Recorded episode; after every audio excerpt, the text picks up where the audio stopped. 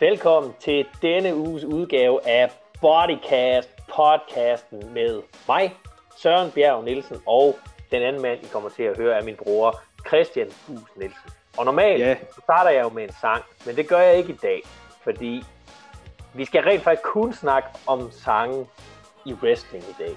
Så det være mærkeligt at starte med en sang, og så begynde at snakke om sangen bag. Jamen, jeg forstår godt, at du har lidt, øh, lidt øh, præstationsangst i forhold til nogle af de her sange, vi skal snakke om, fordi det jo er sange, som, det skal vi også måske lige øh, pointere, det er ikke vores favorite themes of all time, og det er ikke Nej. Top 10 af themes på den måde, men det er nogle themes, som er blevet, noget musik, som er blevet glemt lidt, Ja, og som vi synes, det er der flere folk, der burde høre det her, fordi øh, det er jo sådan noget, som også i, i nogle tilfælde i hvert fald måske ikke er blevet brugt sådan, så længe, eller som ikke er blevet brugt på højden af nogens karriere, så det kan være, at det sådan lidt er faldet mellem gulvbrædderne. Og så vil vi jo gerne lige øh, altså, udbrede kunsten. Det er, jo, det er jo det, den her podcast handler om. og hvis der er noget, der er Og, cool, så er, der, så er det godt nok wrestling theme songs. Der er meget kunst imellem. men det er jo sjovt, fordi der er sikkert også nogen, der lytter til det her, som virkelig lytter til meget musik, som er wrestlingmusik. Og vi har jo også haft sådan lidt sådan en periode, det er så godt nok mange år siden, men hvor det ligesom var sådan en del af det fandom, det var det der med, at der var sådan noget musik, som fik en til ligesom at lede tankerne hen på wrestling, så når man ikke kunne se wrestling, så kunne man lytte til noget, der sådan havde noget med det at gøre. Og tit og ofte, så var det ikke specielt godt. Altså jeg synes, noget af det første, som vi sådan hørte, som var godt, det var, når man hørte nogle af de der japanske themes fra sådan 90'erne, hvor øh, Misawas og øh, øh, Kobashis og øh, sådan nogle af de der, hvor det virkelig, ja, Kawadas, øh, Tenryus var også godt. Altså virkelig mange af de der japanske, at det var sådan et helt andet niveau. Øh, Og det og alt andet lige, så var det også, altså alt andet lige, så var øh, WWF-musikken også generelt bedre end WCW-musikken med, øh, med Jim Johnston, der lavede det og sådan noget. Men Øh. der, hvor vi starter, det er jo også, det første theme, vi har på listen, er også et japansk theme. Dog ikke et All Japan theme, men et New Japan theme, nemlig Masahiro Chonos theme fra sådan cirka år 2000. Ja, i hvert fald sådan sen 90'erne. Dengang Team 2000 var en ting, altså NWO Japan-agtigt, om jeg, ikke, om jeg ikke husker helt forkert. Øh, hvor, øh, hvor han sådan var gået fra at være den tidlige Chono, hvor han havde øh, de der lidt sjove cykelshorts på, og var en, altså en stjerne og en main event guy, men hvor han blev rent faktisk mega, mega cool. Altså hvor han ligesom blev prototypen på den der cool heel, som faktisk stadig fungerer den dag i dag. Han er en af de få ting fra 90'erne, som hvis han bare blev øh, sat sig ind i en tidsmaskine, og så tog til 2020 og stod ud og gik ind til en wrestlingring, så ville folk stadig tænke, wow, han er fandme cool. Og for Chono, nu, han, øh, nu hører vi lige en snas af det, for I lige kan høre, hvor cool det rent faktisk lyder.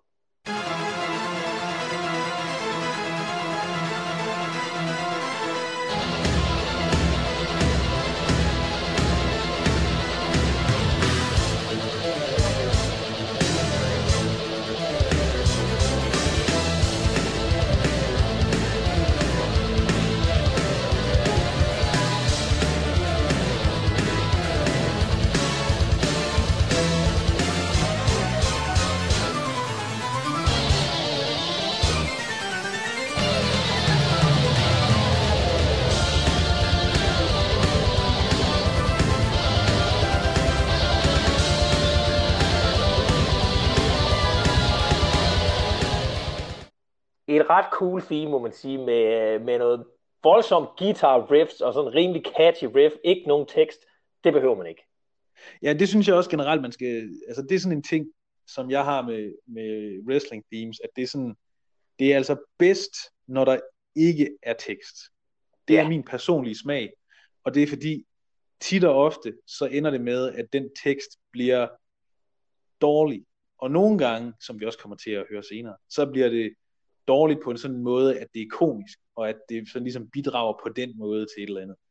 Men altså alle de største themes, det er jo sådan den der, at det skal være noget musik, som fanger figuren, altså at melodien og instrumenterne fanger figuren, ligesom Ultimate Warriors og Stone Cold og så videre, så videre. Alle de der, de store på nær måske Hogan er vel den eneste, der har haft en, hvor han var sådan kendt for at have sangen med den her klassiske sådan noget 80'er arena rock.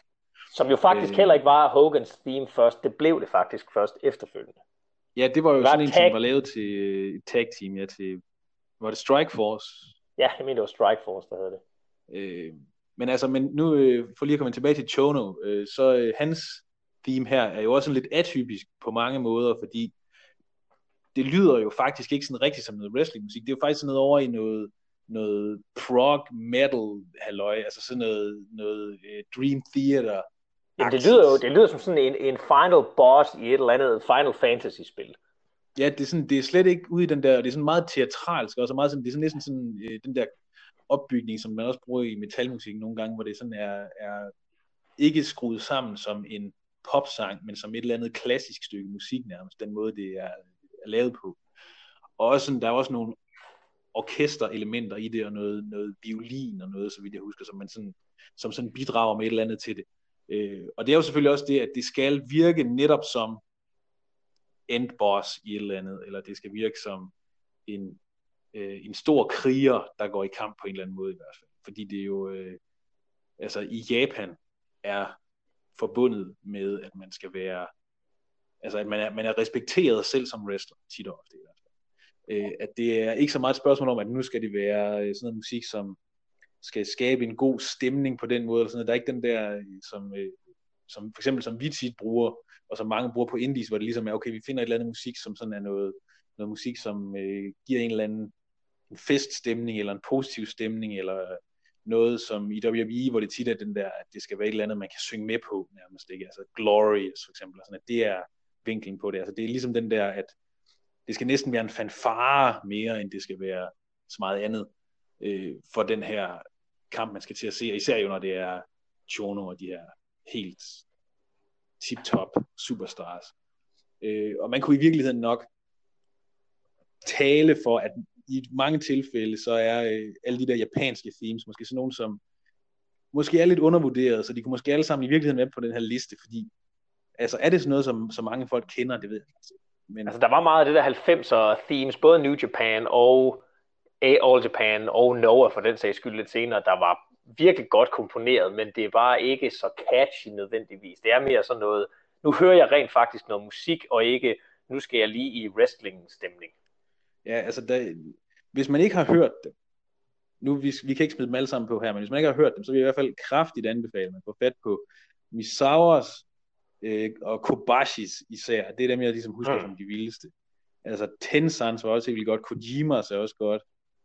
Hvis man ikke har hørt øh, Nakamura, sådan en lidt nyere en, hvis man ikke har hørt Nakamuras øh, New Japan musik også for den sags skyld, hvis man kun kender hans øh, WWE-version, øh, så er der virkelig meget sådan noget, som også er nu om dagen virkelig let tilgængeligt på YouTube, hvis man bare googler sig frem til det, så man kan finde alle mulige forskellige. Og fra noget, der var øh, meget storladent øh, på den ene måde, og Final Boss-agtigt, så går vi videre til Mankind i WWF, men ikke hans øh, mere velkendte Car Crash Rock theme, men hans Exit theme, øh, jeg tror den hedder Ode to Freud, hvor at det var når han havde tabt kampen, eller vundet kampen, eller, eller hovedsageligt når han havde vundet kampen. Ja, det var, så han vundet, og så ligesom, og så skulle forlade øh, scenen. Det var sådan ligesom den der, øh, ligesom i, hvis man kender den gamle Hulk tv-serie, at den endte altid med, at man ligesom, selvom Hulk havde vundet, så var forbandelsen der stadig. Og så så man, at han var nødt til at hitchhike videre til den næste by, mens rulleteksterne kørte. Det var sådan det, det blev sammenlignet med. Øh, og den, gang, øh, om. tænker jeg lige, vi hører en snas af her også.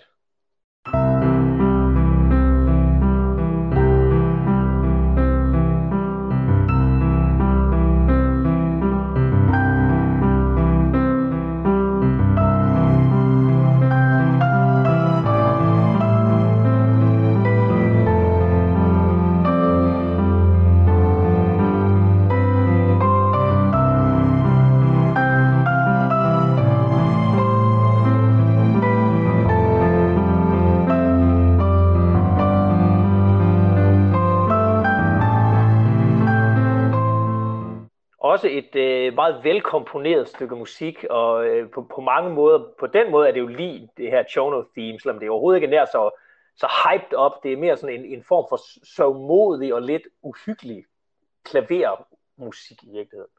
Ja, det er sådan noget, man overhovedet ikke forventer at høre på et wrestling show. Måske også derfor, at det er sådan lidt eerie, at det giver sådan en, altså en, øh, man bliver lidt måske ille til mode ved det næsten, fordi det yeah. er så upassende til den ting, man lige har set, især fordi det jo er den her Mankind-figur. Det er jo den gamle Mankind, da han var klædt kun i, øh, i brun tøj, og var øh, ikke den her sådan lidt joviale, sjove crazy guy med en sok på. Altså, det var fra, Jamen, og, og, og hvor findes det jo tit, tit var, at han havde den her mandible claw, men det ikke var sådan en sjov sok, det var sådan to fingre, han havde i sådan en læderhandske, som han stak ned i halsen på folk, og øh, fik dem og blev ved med at holde den her fast, imens det her musik begyndte at spille. Og så var det ligesom en, øh, ja, sådan en, en også lidt, at det var noget, der beroligede ham, tror jeg også. Men jeg husker ret, at det gjorde sådan et eller andet, at han ligesom var sådan, okay, så kan jeg godt lige øh, øh, give slip, og nu kan, jeg godt, nu kan jeg godt gå, nu er det forbi, nu kan jeg videre til det næste. Øh, og det var jo også, øh, altså man kan sige, da den figur var på det stadie, så var det jo også der, hvor, altså så var det sådan noget musik, man skulle bruge til det. Og så det der øh, car crash, blev jo af indlysende årsager langt det mest kendte, fordi det ligesom også har en helt anden catchiness, ikke? man ved øjeblikkeligt, hvem det er, man, øh, hvem det er, der kommer, og det giver måske lidt mere den der, øh, ja, altså fordi hans kampe jo også lidt var sådan et car crash, ikke? det var sådan, hvad sker der nu, fordi det her, det bliver helt vanvittigt, ikke? Altså, der var det sådan, man ville ikke have, at det skulle være øh, uhyggeligt og eerie, man gik ligesom væk fra det med, at han skulle være et monster, fordi på det tidspunkt havde man også fået fat på Kane, og øh, Undertaker lavede alt det der sataniske og sådan noget, så det blev ligesom til, at Mankind var en anden slags figur, også en meget mere øh, humoristisk, og på mange måder også mere menneskelig figur, så gik man ligesom væk fra, fra det her sådan øh, eerie horror movie, monsteragtige musik, som man havde brugt før, hvor det ligesom var, var den vinkel, figuren tog. Og så i, måske i virkeligheden i takt med, at Mankind også blev lidt Mick Foley. Ja. Så, øh, det, det var der, hvor han begyndte med at blive mere sådan den rigtige person. Vi ved godt, det er Mick Foley, og han laver ikke de her underlige, uh, vanvittige feuds, han havde med Shawn Michaels og Undertaker med Paul Bearer, der turnede. For det var, det var jo i den periode, hvor alt det her det foregik med, med det her theme. Ja. Øh, det næste theme er faktisk også et japansk theme, men det er ikke en japansk wrestler, der havde det. Det er Stan Hansens Sunrise theme fra All Japan. Og det synes jeg lige så godt, vi kan starte med bare at høre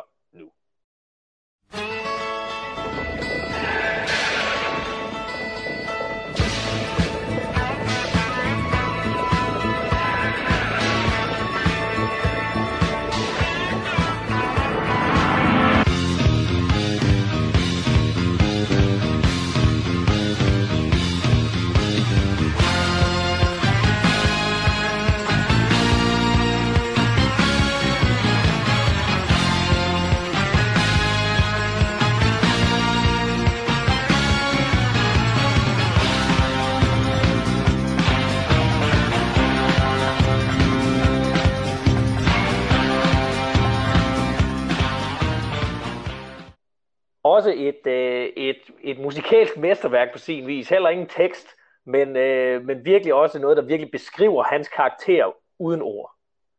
Ja, altså man er jo ikke i tvivl om, hvad det er, der sker nu. Og det er jo også, igen, det er jo lavet i Japan, så det er sådan, det er næsten endnu mere karikeret, end det ja. ville have været ellers. Fordi det er, hvad en japansk øh, studiemusiker, hvor man går ud fra producent, øh, tænker, hvis det skal være en amerikansk cowboy, du skal lave noget musik til. Så den yeah. bliver meget sådan, den, der bliver bare skruet helt op på alle knapperne, ikke mere. Der er simpelthen decideret heste i starten. Altså, den er der er helt... heste og pisk, og øh, det er helt øh, fuldstændig karikeret cowboy-musik. Ja, sådan virkelig sådan rigtig sådan noget, også sådan noget, noget western, som så alligevel også er sådan lidt, øh, måske mere øh, tinged af noget, noget 70'er. Øh, det er meget funky, det er lidt disco. Ja, som der var mange, der var sådan i den periode, så mange All Japan især, øh, der var meget, øh, altså, ikke, der er ingen, der er lige så meget som Tenryus, men der var mange, Nej. der var sådan, hvor det var meget sådan over i, at de brugte sådan, det, var, det blev sådan lidt noget funky noget. Øh, øh, jeg tænker, fordi det er noget, der passer godt til sådan ligesom at gå til ringen, at der er sådan et eller andet at klappe til, og sådan noget, at det ligesom at, har været tanken bag, fordi det er jo, øh, det er jo noget, man så meget, at, at der var sådan taktfast klap, og hvis man var en rigtig stor stjerne i 90'erne, så øh, chance af ens navn hele vejen, mens man bare gik ned til ringen. Øh, så det kan godt være, at der også har været et eller andet i det, at man ligesom har tænkt, okay, vi skal, sådan, det er den stemning, vi gerne vil, vil skabe. Også at det skal være sådan der lidt funky øh, baseline og sådan noget i det. Sådan med en fast rytme, som er nem at klappe med på. Og Stan Hansen det, var jo en af de helt store stjerner i All Japan på det tidspunkt, og det, det er virkelig også noget klap med musik. Øh, selv hvis han er heel, det er fuldstændig lige meget. Han kommer ned og går fuldstændig amok, og det passer det jo godt til. Jamen han var jo også sådan en af de der, altså øh, en heel i starten, men også en, der blev så velrespekteret, at han sådan, at det var sådan lidt afhængigt af, hvem han var imod. Og sådan er det jo med mange ting i wrestling, at øh, sådan en stærk skåret heel of face er ikke nødvendigt i mange tilfælde, hvis folk ved, hvem det er i forvejen, fordi så har de bare et eller andet forhold til, at jamen, jeg vil hellere se den her vinde, end den her over. Øh, og hvis man ligesom forsøger at tvinge alt for meget, så er det, der sker det der, som der sker i WWE nogle gange, at folk de ligesom reagerer uhensigtsmæssigt på visse folk, øh, og man er nødt til ligesom at tilpasse noget booking i forhold til det. Øh, hvor for eksempel New Japan læner sig meget mere ind i det, at de er sådan, jamen okay, i langt de fleste tilfælde, så vil Okada være babyface, men når han er imod for eksempel Tanahashi, når han er imod visse folk, så er han heel i den sammenhæng, fordi det der giver mening i den historie, som den her specifikke kamp fortæller. Fordi den her figur, og den, øh, det, det forhold, den anden figur har til hinanden, til den modstander, den har, gør, at den vil reagere på en bestemt måde, som så er det, man ligesom vil tolke som, at okay, han er den øh, i gåseøjne, den onde i den her kamp. Øh, og det er jo meget sådan en japansk ting også, det der med, at det er jo ikke fordi, der ikke findes babyface heels, det er bare fordi, at øh, fansene generelt har et meget stærkt forhold til nogle bestemte wrestlere. Og så jo flere øh, øh, kampe de har, jo, mere, øh, jo flere fans de har, jo mere sandsynligt er det, at folk har en eller anden meget stærk holdning i den ene eller den anden retning. Og det er jo selvfølgelig også derfor, der var mange af de der foreigners. Når de kom ind, alene det, at de var udlændinge, gaijin, det betød, ham kan vi ikke lide ham her. Øh, og det var også det, som man bare malkede, som jo også med Stan Hansen musikken, fuldstændig. Altså det er bare, jamen vi skal bare, han skal bare være så amerikansk som muligt. Cowboy, alt det der. Øh, for ligesom at, okay, så er det nemt, lige meget hvem vi sætter imod ham, så ved folk godt det. Og så lige så stille, så lærte de så ham at kende, og så blev han bare til, at han var en babyface alligevel, fordi folk respekterede ham. Også fordi han jo også er en tegneseriefigur. Fuldstændig. Men det er jo, altså, hvilket det er også passer meget, godt til musikken. Meget japansk wrestling er jo egentlig også baseret på, at det startede med, at det var Rikido-san mod onde amerikanere, fordi det ligesom foregik i 50'erne. Øh, og, og det har japansk wrestlingkultur jo egentlig frem til for ikke særlig mange år siden båret meget præg af. Ja, det er meget, øh, altså der har jo også været meget, øh, meget få ikke-japanere, der er blevet sådan rigtig store stjerner i Japan, af sådan lidt samme årsag, at der har været den her, øh, den her frygt for, at sådan rent kulturelt, at man ikke skulle se en bestemt promotion eller en bestemt øh, eller, eller nogle bestemte wrestlere som værende positive repræsentationer. Altså for eksempel Noah var meget imod at booke nærmest nogen som helst udlændinge, og hvis det var, så skulle de i hvert fald ikke pushes alt for meget. Øh, fordi de, og hvis de var, så skulle de tagge med en eller anden japaner og sådan noget, fordi man ligesom var, man var meget bevidst om, at det er jo vores øh, hometown folk, altså de, de nationale japanske wrestler, det er jo dem, der skal bære det. Så og til hver tid kan... Of, ja. Speaking of tagge med en japaner. Det næste theme, vi har på listen, er Alex Shelley's TNA theme. Og han var jo faktisk teamet jo faktisk med en japaner i Japan. Kushida i New Japan. Ja, men han har jo, og, altså, og har vel også tagget med øh, Kuto Hidaka før det også. Ja. Og ja, har sådan været meget øh, ind i den der. Og jeg er jo øh, lidt tilbage i wrestling nu, sådan, sådan på deltid, efter øh, at ligesom have trukket sig tilbage.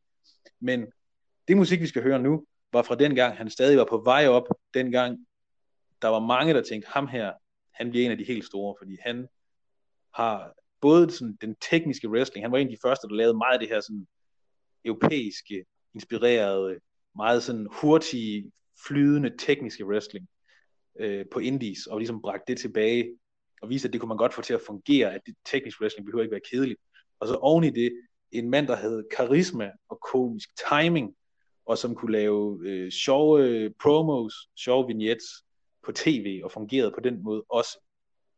Det viste sig så, at det var ikke helt sådan, det skulle gå. Men, men lad, os, øh, lad os høre hans TNA-theme.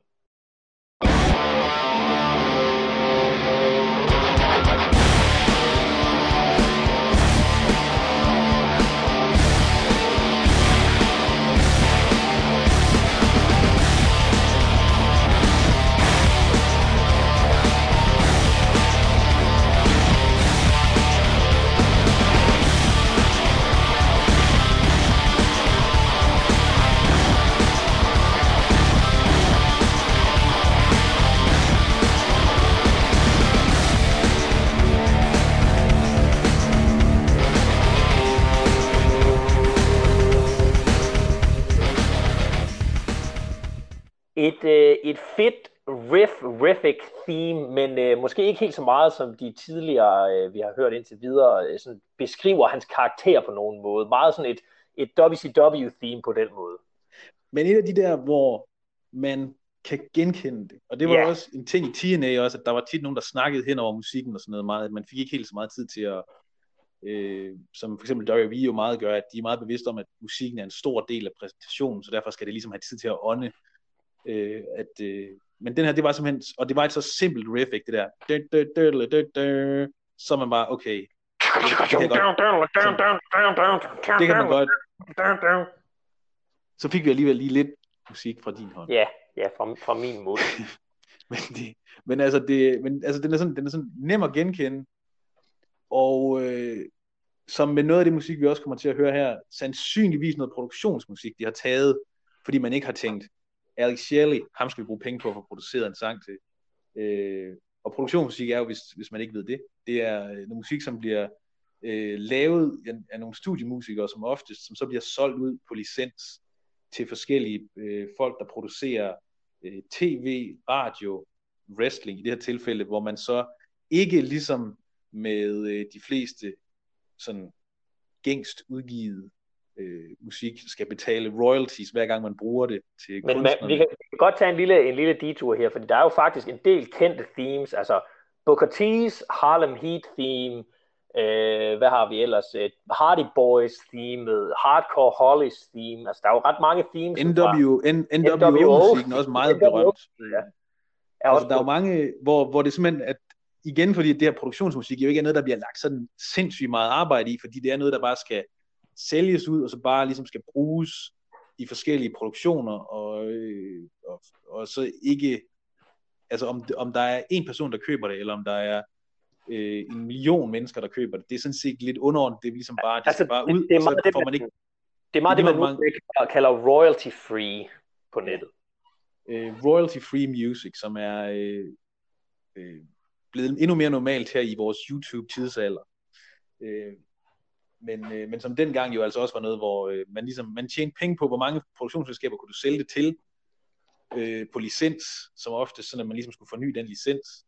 Men om der var 10 mennesker, der så et eller andet tv-program, eller om der var en million mennesker, der så en film, eller øh, om det blev spillet i arenaer hver evig eneste mandag på WCW Nitro, dem, der havde lavet musikken, det gjorde ingen forskel, så de producerede bare en masse, og derfor blev det oftest noget, som var sådan forholdsvis simpelt, og med nogle, nogle riffs i, som jo så også gør sig godt til wrestling, hvor man jo ikke skal høre, man skal aldrig høre hele sangen, man skal jo bare høre, der skal være en eller anden, generelt en god intro, og så et eller andet, sådan noget genkendeligt, noget gentagelse.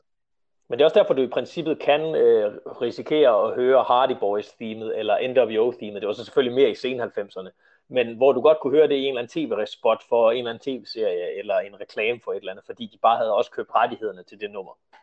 Ja, jeg kan huske, at der var engang nogen øh, inde på øh, det gamle Death Valley Driver Board, der havde hørt NWO-musikken i øh, en eller anden øh, voksenfilm, om man skal sige på den Voksenfilm, ja. Som ikke engang var en NWO-parodi. Altså det var bare sådan tilfældigvis, de havde det lige brugt.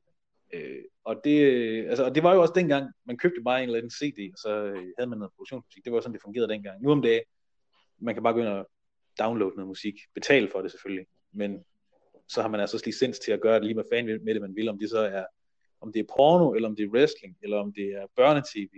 Og det er også noget af det farlige ved det, fordi hvis der så er nogen, der bruger noget musik til øh, et eller andet, som øh, hvis nu for eksempel jeg tror nok, WWE har nok købt NWO-musikken, rettigheden til den 100%, vil jeg gå ud fra. Fordi ellers ville alle mulige andre jo kunne bruge den øh, til, øh, ja, til at lave en eller anden en porno om det, eller til at lave, øh, altså de ville kunne bruge den til alle mulige forskellige ting, og det er jo det, man ved ikke, hvad andre folk bruger det til. Øh, så, så det er jo også en risiko at løbe med det, at man, øh, hvis man ikke vælger at købe rettighederne 100% til. Og hvem vil ikke gerne i 2020 se en Kevin Nash porn. Men altså, den, hvis man laver en filmatisering af den der gamle Nash tegneserie, så vil, ja. så vil det blive sådan lidt derhen af. Jeg ved ikke, om folk, kender, hvis folk ikke kender den, så, øh, ja, så der er både en Ultimate Warrior, men der findes også en Kevin Nash selvudgivet tegneserie. Prøv at slå den op og se, om I kan finde noget fra den på nettet. Jeg tror, at øh, om ikke andet, hvis Wrestle Crab stadig findes, så er der en, en entry om det der, hvor man kan, altså, og i den tegneserie, Kevin Nash, han får alle damerne. Det kan wow. jeg godt sige. Det var mærkeligt. Hvem skulle, have, hvem skulle have troet det? Og nu hvor vi snakkede om WCW og production music, så bliver vi, og jeg ved ikke om det her er et production theme, men det er i hvert fald et WCW theme. Vampiros WCW theme, ikke den af ICP.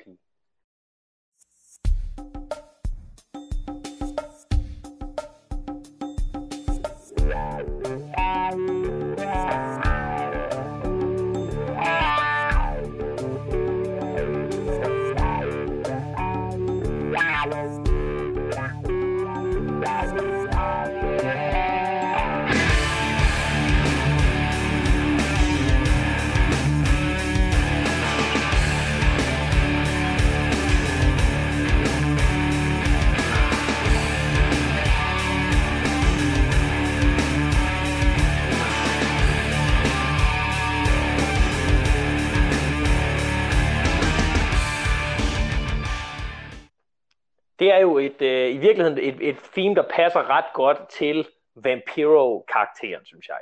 Ja, altså det er simpelthen så, det er sådan lidt som er sådan en kvalitet også, synes jeg, hvor man, man bliver nemlig i tvivl om, om det er et produktionsstykke, eller om det er noget instrumental rock fra et eller andet. Øh, fordi jeg kan huske, at jeg sammenlignede det altid sådan lidt med, øh, det kan være, at vi laver en podcast om det engang, men sådan når man hører rigtig musik, altså sådan fra ægte bands, som er blevet brugt i wrestling, så var der øh, i WCW i samme periode øh, et nummer, som hed, jeg husker, hvad det hed, men det var med Tito og Tarantula, som øh, Eric Bischoff brugte, når han kom ud.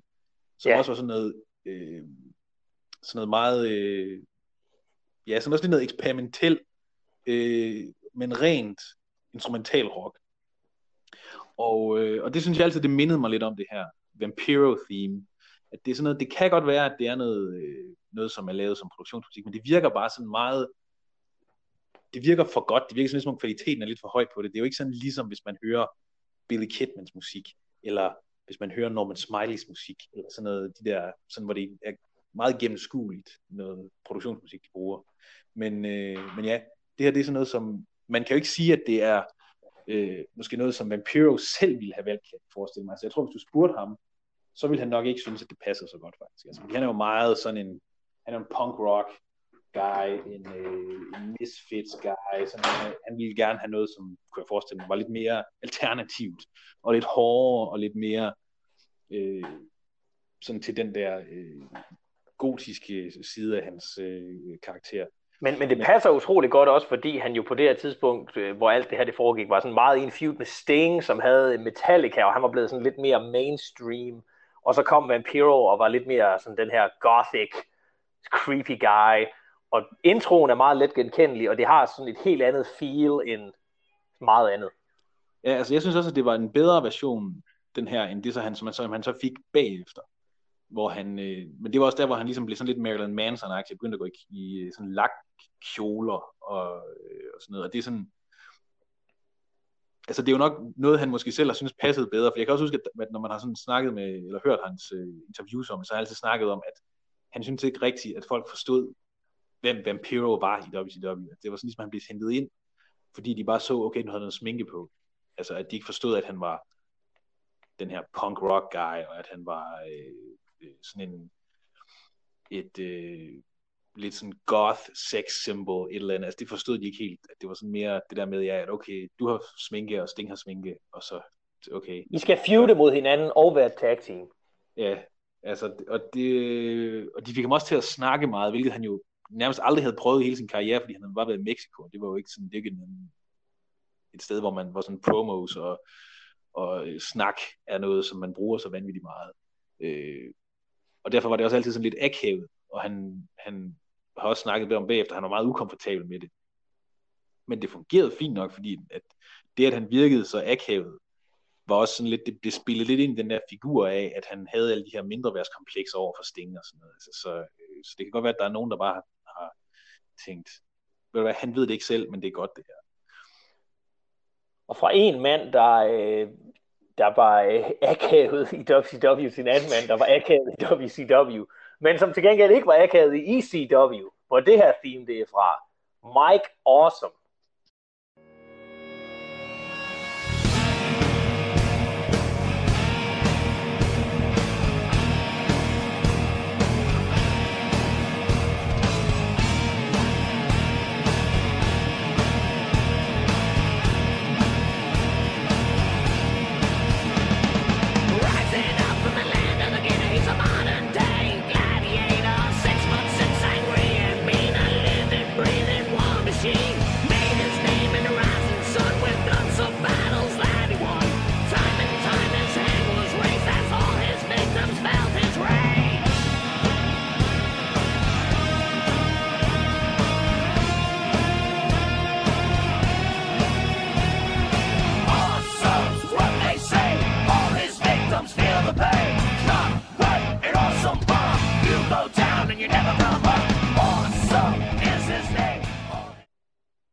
Theme, der lyder, øh, på, på overfladen lyder det jo som, øh, i nærmest som Guns N' Roses, eller sådan et eller andet rigtig 80's metal band. Men hører man efter teksten, så... Så får man meget mere ud af det. Altså, så er det... Det her det er sådan et af de der eksempler, hvor når wrestleren kommer ud i det her, øh, og man bare hører det på tv, og der er publikum på, og der er kommentator henover, der er en ring announcer, der siger hans navn, så lyder det bare mega fedt. Og så når man hører hans, så når man lytter efter teksten, så når man bare hører MP3'en her, eller YouTube-videoen, eller hvad man nu gør nu om dagen, så, øh, så kan man godt høre, at det er ikke noget, de har brugt vildt meget tid på det her. Det er, de fortæller øh, alle hans moves er, og hvad han gør med folk. Ja, de siger bare, altså, hit with an awesome bomb, you go down, you never come up. Sådan. Det, er, altså, og, men det kan man sige, hvis der skal være noget, der ligesom fanger Mike Awesome figuren, så er det også det. Altså det er også, awesome is his name. Ja. Yeah. Og folk de feeler the pain. Og de feeler the pain, og det gør og de. Han har en, altså. Og han har en mullet, det påpeger de så ikke. Men... Ej, men det, det er en vigtig del af Mike Awesome karakteren. Det var måske, jamen det kan være, det var så øh, normalt der i sådan 99-2000, da det blev lavet. Alle havde mullets i sen 90'erne. Ikke, ikke i sådan den generelle popkultur, men i wrestling, altså der har man jo indtil for få år siden altid været 10 år bagefter. Altså, det var, der var ingen, der kunne finde på at have en mullet, men i wrestling kunne man godt i år 2000. Altså det, det var jo bare sådan standard, ikke? Sådan alt popkultur, det var, det var bare bagefter. Også med sådan det musik, der vi brugte indtil for, hvad, måske 5-10 år siden, var jo også altid sådan noget, hvor det var sådan håbløst forældet, øh, sådan new metal og sådan noget, hvor nu er de med, det, altså nu er det alt sammen sådan noget, sådan noget radio pop musik og sådan noget. Det er jo selvfølgelig øh, smart i forhold til branding, og generelt så er det noget musik, som jeg synes er meget mindre interessant at høre på, men det er jo så ligesom smag og behag. Men altså, øh, men ja, men Mike Awesome, han var jo også, øh, altså, han har jo brækket JT Lightnings ryg. Nej, var det JT Lightning? JT... Øh... Jo, oh, det... Nej, det er ikke Lightning, men det er JT, JT Smith. JT Smith, ja, ja, det var det. Altså, så, så his victims feel the pain, ikke? han powerbomber folk ud af ringen gennem borer, og gjorde alle mulige vanvittige ting, hvor det som oftest var sådan noget, hvor det er sådan, det er bare sådan, din modstander, der skal få dig over nu, det er bare sådan, du er bare ligeglad med hans helbred, så gør du bare nogle vanvittige ting ved ham, som man normalvis kun ville gøre i et videospil. Men... Altså det, det var jo også en del af, af Mike Awesomes ting. Han kom over på Masato Tanaka, der bare tog nogle syge chair fra ham og blev kastet ud af ringen. Ja, altså det var... Øh...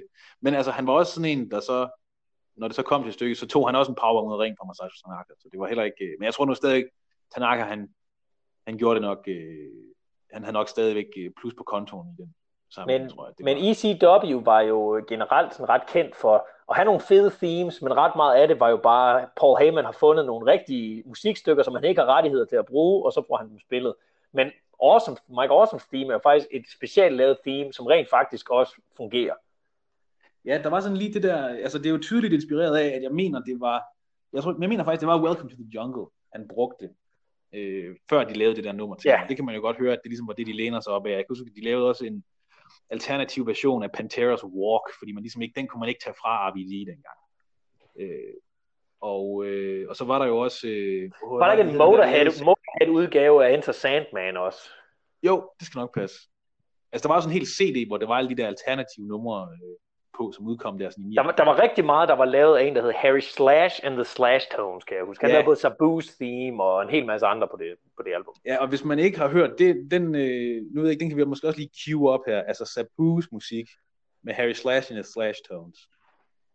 En klassiker. Lad, altså... lige, lad os lige høre et snas af den også, bare fordi.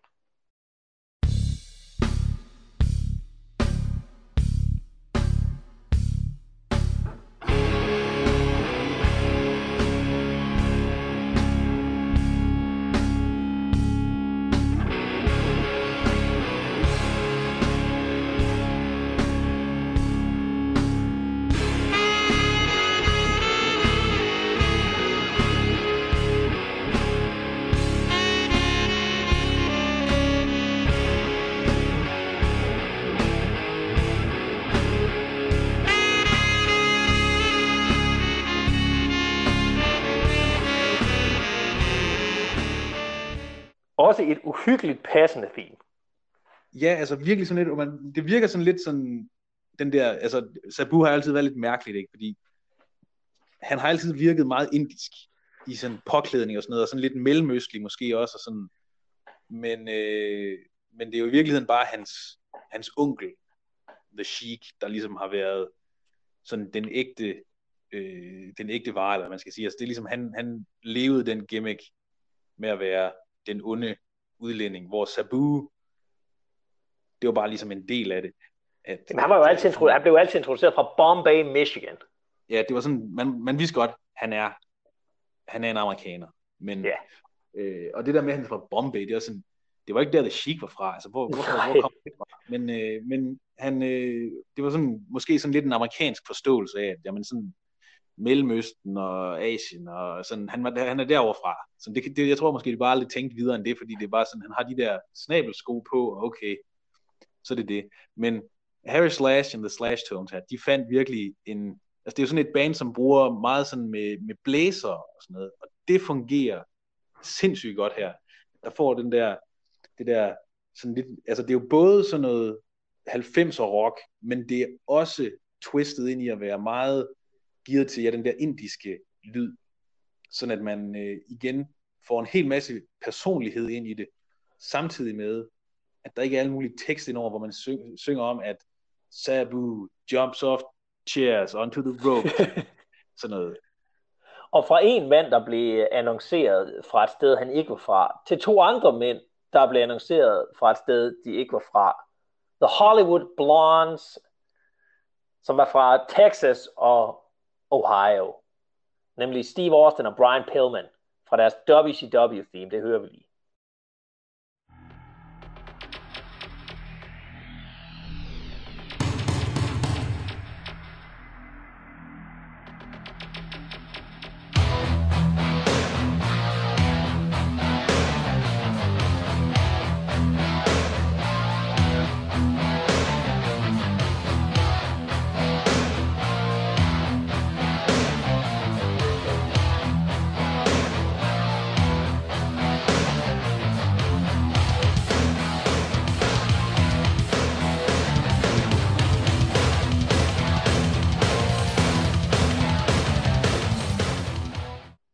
Ikke nødvendigvis det mest øh, sådan passende på nogen måde, men bare stadigvæk et, et nærmest ikonisk fedt riff.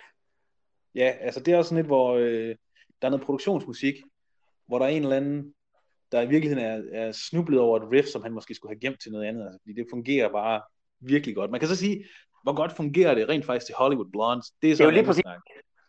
Øh, men det er som, som et stykke musik, og som genkendelig musik, så fungerer det rigtig godt. Det man så også kunne sige, det er sandsynligvis, så er der også nogle andre, der har brugt det i løbet af tiden, for det skete jo tit i WCW, at der var, at der var ikke sådan, der var ingen, der rigtig havde eksklusive themes, ikke? fordi lige så snart, at uh, Hollywood Blondes var opløst, så er der sikkert en eller anden, der sagde, okay, så giver vi det til ham her på uh, Saturday Night. Eller sådan. Så kan det være, at The Shark er kommet ud til det. Jamen altså, det kan jo nemt være, at det, altså, det er jo sådan et, der er sådan et af de der rigtig sådan rock-numre, hvor det kunne man godt sådan sætte på nogle forskellige folk, og så, så ville det sådan fungere fint nok. Og i den, i den anledning synes jeg også lige så godt lige, vi kan tage, også fra WCW, men uh, lidt med NWA-perioden, med Lex Luger. Uh, han havde jo også et, han har haft en del forskellige themes, for han har aldrig rigtig haft sådan et fast tema, hvor man sådan tænker, det var Lugers WCW-theme. Og det her, det er måske sådan et af de mere ukendte. Men det er sådan cirka fra 1990, uh, øh, sådan Wrestle War-perioden. Uh, lad os lige høre den.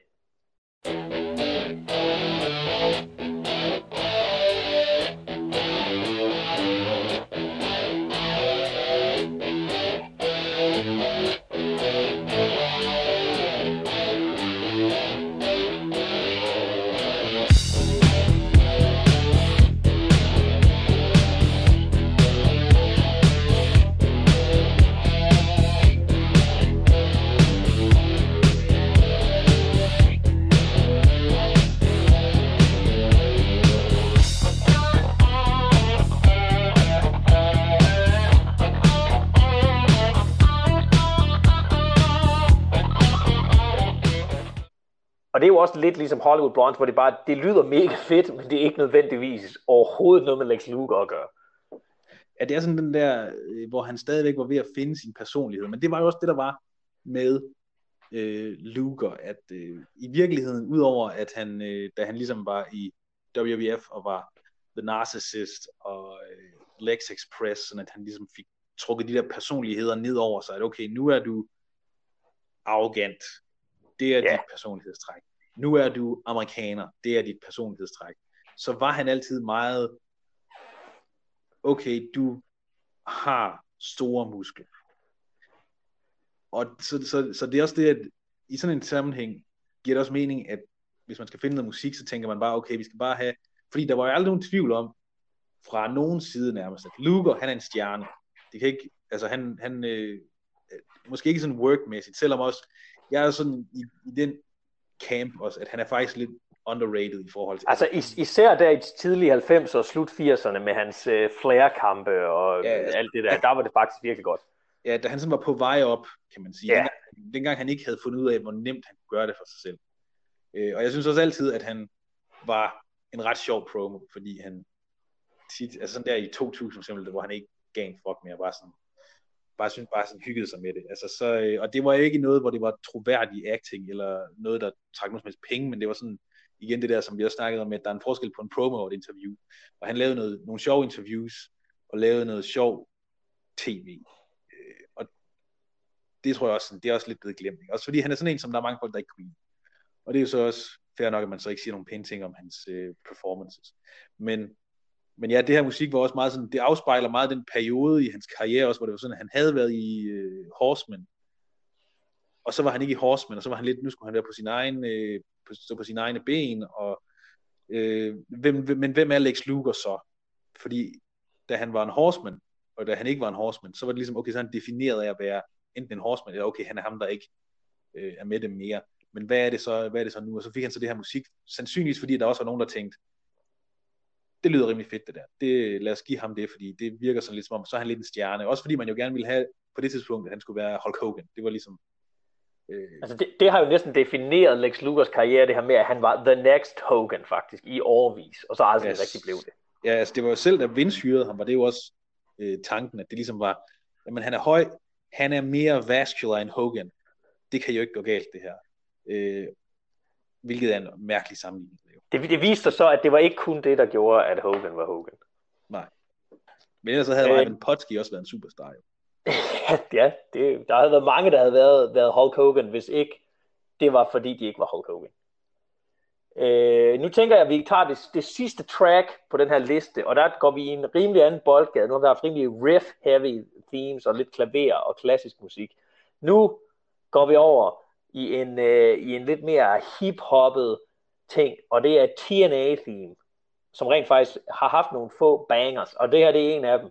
LAX-themet, ikke det nyeste, de har haft, men en af de helt klassiske, hvor det var Conan og Hernandez og Homicide, og det hører vi lige nu.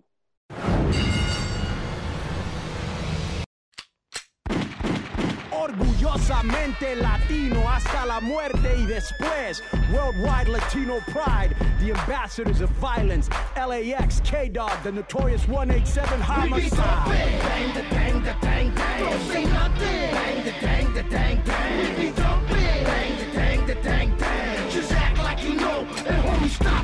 Rocking through stomping.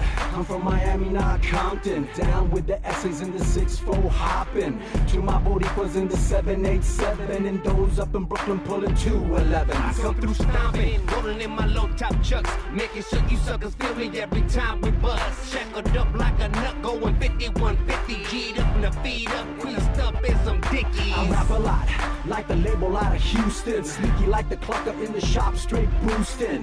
To all my gente down in Juarez. Cálmate un momento, paisa, no dispares. Put it down from Killer Cali to the MIA. Ask the homie Crazy K, yo man, that boy don't play. It's in my NIAK, putting it down all day. Representing Southern Cali, get in my way, you'll get sprayed. We be dropping, bang the bang the bang bang. Don't say nothing. Stadigvæk en banger, synes jeg. Jamen, det holder stadig. Altså, det, og det er sådan en sjov en, fordi altså, og Conan rapper jo aktivt på det. Ja. Øh, og det insisterer han jo på at gøre, sådan i hvert fald en gang hver 10 år lige at lave en eller anden rap-sang. Og altså, det er sådan sjovt, fordi jeg kan ikke sige, at jeg synes, han er særlig god til det, men hold kæft, det virker godt her. Altså, det gør det. Det er bare, det virker sådan som om, at, at det er øh, den der, at hans, hans rolle var jo sådan lidt, at han var sådan lidt en bandeleder, eller sådan, at han var øh, sådan lidt højt på strå inden for den her øh, angivelige bande, som LAX var.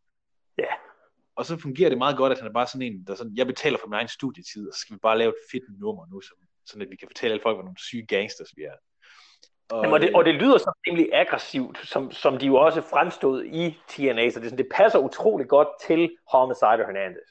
Ja, og det lyder ikke som et eller andet, sådan, der lige er lavet, øh, sådan amatøragtigt lavet. Altså, det er en eller anden normal hip-hop producer, der har lavet det, lyder det til i hvert fald.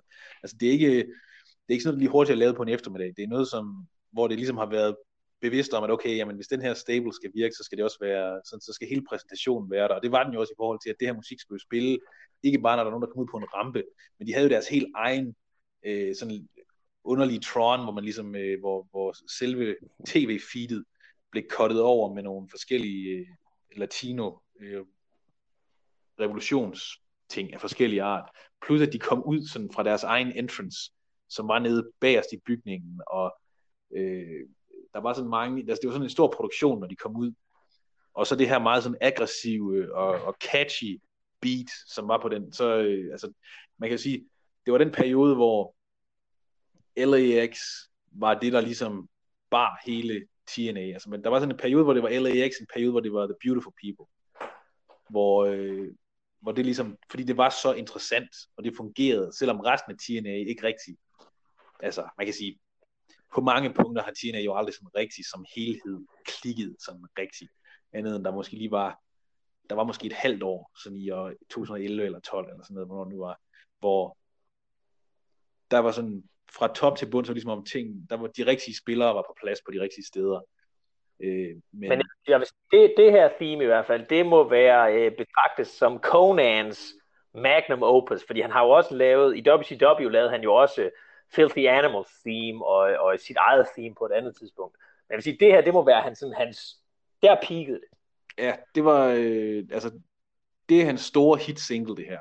Øh, ja. Det kan være meget sjovt også at finde de andre numre, hvis man nu sådan er nysgerrig. Så øh, altså, det, det, der er også en, en musikvideo fra hans, øh, da han lavede sit WCW-musik, øh, som også er sådan, hvor man tænker, okay, de har bare spillet en hel masse penge for det her, hvor det ligner sådan en meget sådan en 90'er hip-hop video.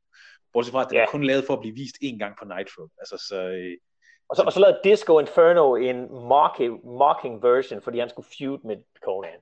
Ja, som nok i virkeligheden er mere kendt, og som sikkert, kunne jeg forestille mig, måske også er nemmere at finde på YouTube. Muligvis nemmere at finde. Det kunne jeg godt forestille mig, måske. Men i hvert fald, så, øh, så synes jeg, at vi kom godt omkring en masse forskellige themes i dag. Øh, det kan muligt, at vi laver en anden theme podcast. Det kan være, at vi laver en, hvor vi snakker om nogle af de værste themes. Det kan være, at vi laver en, hvor vi snakker om øh, rigtige sange, der er blevet brugt som themes, og som har fungeret godt. Der er mange muligheder inden for, øh, inden for wrestling-musikverdenen. Yeah. Øh, men i hvert fald, for den her gang, så øh, vil jeg bare sige øh, tak, fordi I lyttede med. Jeg er Søren Bjerg Nielsen, og den anden mand, I har hørt, er Christian Bus Nielsen. Vi er Bodyslam brødrene, om man vil. Og hvis I gerne vil vide mere om Body Slam Pro Wrestling, så er det at søge på Body Slam Pro Wrestling på Facebook og Twitter, Body Slammers på Instagram, og for første gang i lang tid, kan vi rent faktisk officielt erklære, at der er en fremtidig wrestling show dato. Vi har flere i støbeskeen, bare roligt, men der kommer, vi kommer til magasinet i Odense fredag 9. oktober. Billetterne er i salg i begrænset oplag på grund af covid-19 på bodyslam.dk. Derudover kan I finde os på streaming services. Hvis I går ind på iwtv.live og bruger koden BODYSLAM, så får I 5 dage gratis.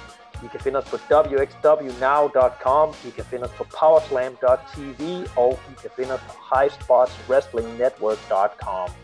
Og så er der ikke så meget andet tilbage at sige end...